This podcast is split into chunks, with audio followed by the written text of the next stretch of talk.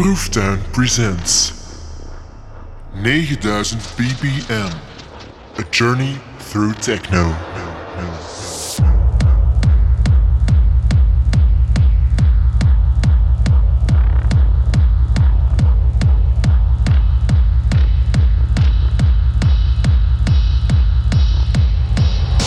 Hey, wijs dat je er bent. Wijs dat je luistert naar 9000 BPM. Een podcast waarin we samen lekker technotrippen door Gent. Hier aan de Red Day Building start het verhaal van 10 Days Off, of heel in het begin 10 Days of Techno. In het kort is 10 Days Off opgericht door drie heren: Philippe de Lieser, Erik Smout en Rudy Victor Akkaert. Philippe en Erik waren begin jaren 90 actief in Club Pacific in Antwerpen, waar ze alternatief en divers programmeerden. Denk aan rock, funk en soul en op zondagnamiddag zelfs experimentele elektronica-acts. Rudy Victor Akkaert was op dat moment programmator bij Studio Brussel. De titel van zijn programma Technoville spreekt voor zich. Samen met Erik en Philippe organiseerde hij feestjes met onder andere Moby en de Duitse DJ en producer Sven Veet op de line-up in de Cherry Moon in Lokeren. Samen richten de heren de VZW 5 voor 12 op en liggen ze aan de basis van de legendarische 10 Days Off. Een echte pionier die het festivallandschap van de elektronische muziek op vele vlakken veranderde. Welke? Dat hoor je van Erik en Philippe zelf.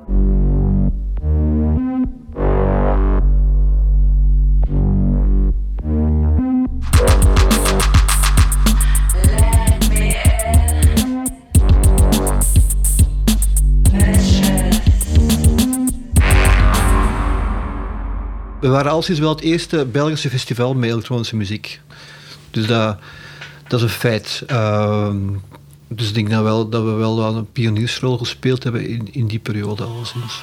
Ten Days Off was het eerste, of een van de eerste elektronische muziekfestivals in, in Europa. Je had Sonar in Barcelona, die zijn een jaar eerder gestart. Ten Days heeft echt gepioneerd, hè. Je moet je dus voorstellen dat de Gentse feesten begin jaren 90 in de verste verte niet lijken op hoe we ze nu kennen. Er was geen DJ-cultuur, geen charlatan en geen toren op de Vlasmarkt. nou, beste gaat er eerst. Wil dan aan het protocol beginnen? Met je kiekers, een vrije goede, 173ste Gerske De reden waarom dat we 10 Days hebben opgestart in Gent, er ontbrak een aanbod uh, naar jongeren. Wij aanzagen de Gentse feesten als een belegen, gedateerd pensenfeest, met geen enkel aanbod uh, voor jongeren, naar de jongerencultuur toe. We hadden helemaal geen lange termijn plan. Hè. Dus uh, ons eerste ding was gewoon 5 voor 12 als VZ2 opstarten. Dat betekent vijf concerten voor 12 jaar Studio Brussel. Op één week tijd hebben we dan vijf concerten gedaan in vers vijf verschillende steden. En dat was ook ons eerste plan. Uh, meer was het niet. Uh, dan kwam er een idee van Rudy Akkaert, een van onze drie, om uh, ook tijdens de Gentse feesten iets te organiseren. Hij woonde in Gent en hij vond dat er tijdens de Gentse feesten te weinig voor jongeren was.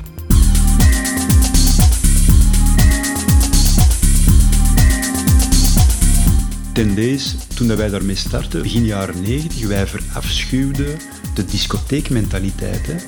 Daar kunt u nu niks meer bij voorstellen, maar dat was, dat was een afschuwelijk gegeven. Ik bedoel, de portiers, dat was, al een mafioze toestand. Hè. Vechtpartijen, dat was schering en inslag. Dus de, discotheekcultuur van, van begin jaren 90 wilden wij niks mee te maken hebben. En ten deze was ook zo een bedoeling om daarmee te breken. Om iets, met een nieuwe mentaliteit en met een nieuwe visie op het nachtelijk gegeven, op parties. Om daar een andere twist en meer diepgang te geven.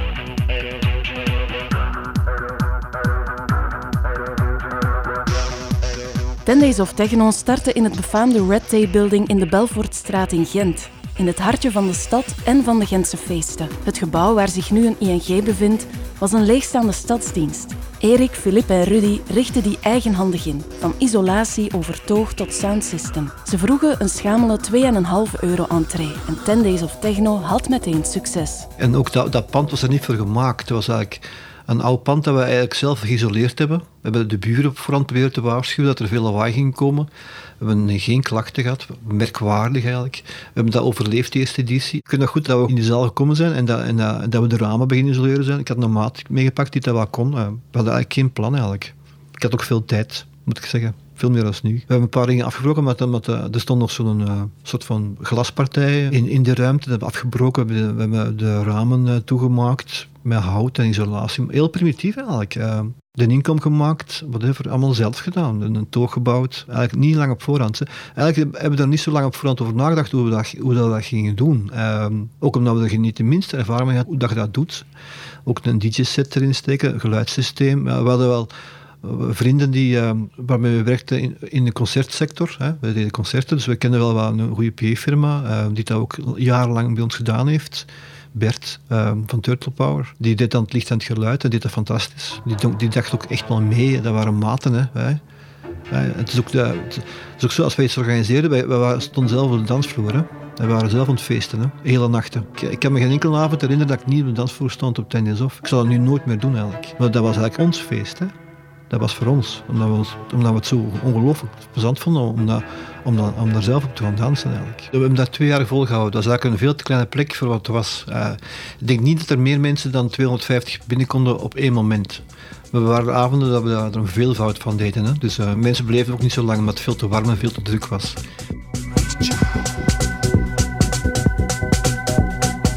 Tijdens de tweede editie van 10 Days Off was er een stroompanne in de Red Tay Building. Op dat moment hadden de jongens van 5 voor 12 iets verderop in de Star Building onder de oude vismijn een ander festival lopen dat niet echt aansloeg bij het publiek. Midden in de nacht, te midden van de Gentse feesten, werd de hele PA van de Red Tay Building versleept naar de Star Building, over de kasseien van de Gentse binnenstad. Philip en Erik moesten zich een weg banen tussen de kolkende massa die de Gentse feesten kenmerkt. Met Dave Clark in een zog die zou beginnen draaien. Jimmy Somerville, die er op dat moment aan het spelen was, moest plaatsruimen en heeft naar verluid een hele nacht meestaan raven. Vanaf dat moment werd de Star Building de vaste locatie van 10 Days Off, met legendarische sauna-temperaturen binnenin. Het geïmproviseerde karakter dat maakte natuurlijk ook mee deel uit van de, de charme en de aantrekkelijkheid van het, uh, van het event. Ja, we waren zelf verbaasd. Want aanvankelijk wisten we eigenlijk niet goed wat we, waar we ons moesten aan verwachten. Maar dat was een, een instant uh, succes. Vanaf de eerste avond stonden er al duizend mensen buiten op de straat aan te schuiven om binnen te kunnen.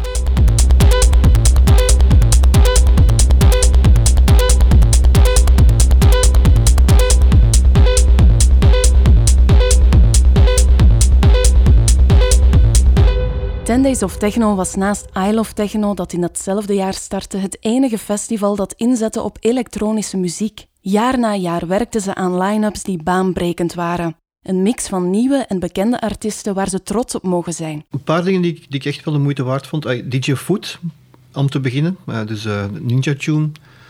Uh, ja, dat, dat, waren de voorlopers van de trip-hop en van de tragere beats. Dat vond ik wel de max. Uh, ik was ook wel heel erg met de ambient en bezig. Dus Psychic Warriors of Gaia, uh, naam die nu niet, meer, niet veel meer zegt, maar dat was toen wel een grote naam in, in, in, dat, in dat segment subsurfing, idem dito. En er is heel veel echt klassieke techno. Hè. Um, ik zeg het juist, Quan Atkins, Kenny Larkin, Speedy J, Stacey Pullen, Luke Slater, Dave Angel, Bandulu. Dat waren de kleppers van die tijd. Tracks die ik voor eeuwig en altijd zal associëren met, uh, met 10 Days uh, zijn uh, Fly Life van The Basement Jacks. Uiteraard Spastic van Richie Houghton, Plastic Man. Een graag geziene gast op 10 Days. Ik denk dat hij een keer of acht, negen op 10 Days heeft gestaan.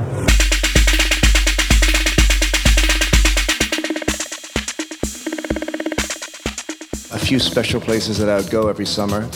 Uh, that I look forward to, uh, places that I came, I became connected to very early on, um, and that you know Ghent and um, you know Ten Days of Techno have been well, you know important. You can tell they are important from a long time because it's not even called 10 Days of Techno anymore, because that was the original title. It's now called 10 Days Off. Um, so, yeah, I'm, I'm back again, the 11th time over the last 17 years of the festival's history. And uh, looking forward to a great night. Richie Houghton houdt het dus zelf op elf keer en werd zo een stuk van het meubilair. Ten Days of Techno werd na verloop van tijd omgedoopt tot Ten Days of, omdat de organisatoren ook andere muziekgenres aan bod wouden laten komen. Ten Days Off investeerde trouwens niet alleen in straffe geluidssystemen en line-ups, maar ook in artwork en sterke campagnes. Zo was Daan Stuiven, bekend als zanger Daan, designer van Ten Days Off. Van één specifieke editie vind je nog altijd sporen terug in de Gentse binnenstad. Ja, we hebben altijd heel veel uh, geïnvesteerd in artwork. Ik vond dat belangrijk. Dat is ook nieuw in die tijd. Er was eigenlijk geen traditie, of toch niet zo'n grote traditie in België op vlak van uh, posters en flyers. Uh, we hadden ook een aantal goede vormgevers. Daan Stuiven, de zanger Daan, was de eerste ontwerper van Ten Days Off. Hij heeft drie campagnes gedaan. met een heel herkenbare stijl. Hè. Dat zijn altijd voor mij legendarische campagnes. Uh, niet het minst door de totstandkoming, omdat Daan een hele chaotische vormgever was. Uh, Philippe, mijn collega, heeft nachten aan, naast Daan gezeten om ervoor te zorgen dat het op tijd klaar was. Later zijn we echt conceptueel beginnen denken ook, van nou ja, welk beeld we erop plakken. En een van de tofste campagnes was het uh, artwork dat we in, in zwart en in, in zilver hebben gemaakt. Alles in zwart en zilver, inclusief de advertenties. Dus alles was dat. Uh, we hebben dan ook per, per avond een kop eruit gekozen, de headliner van de avond, die we ook als kop op de affiches hebben geplaatst. Ze waren zilveren affiches, die ons ook wel geld gekost hebben. En we hebben ook publiek gevraagd om, om, de, om de, de koppen uit te snijden en als een schabloon in de stad met graffiti te spuiten. Dat is ook gebeurd. Dus onder andere Miskitten is er één van. Ze hangt nog altijd zichtbaar aan de brug richting uh, Sint-Annaplein. Uh, vanuit Kasteelaan naar Sint-Annaplein hangt ze altijd op, op de, aan de kant waar de brug is, kun je haar zien, haar beeldenis zien. En er zijn nog plekken, denk ik, waar nog altijd van die, uh, van die sprays zullen hangen.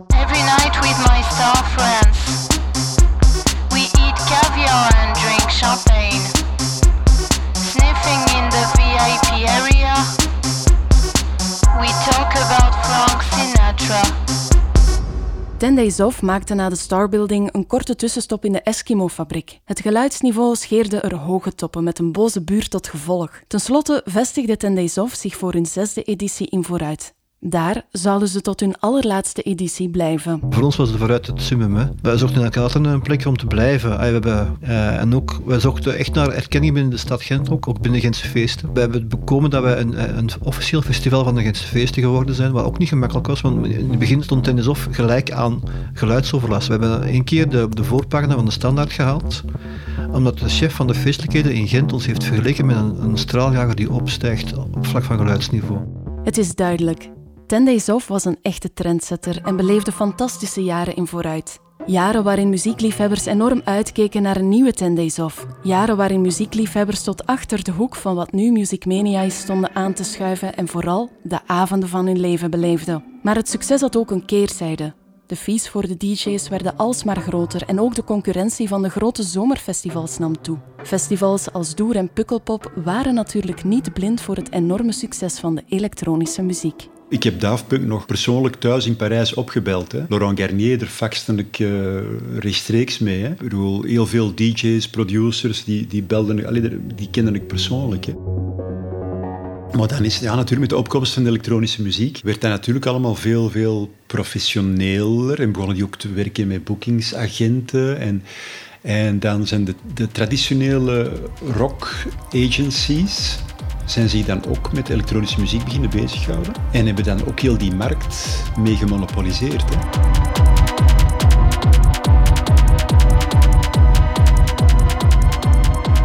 Ten Days Off startte ooit als festival voor de Gentse jeugd, maar kreeg te kampen met dalende bezoekersaantallen en te grote concurrentie in prijzen en programmatie. Het was een moeilijke strijd. En jammer, want geen enkel festival zal de kleinschalige beleving van Ten Days Off met grote namen kunnen evenaren.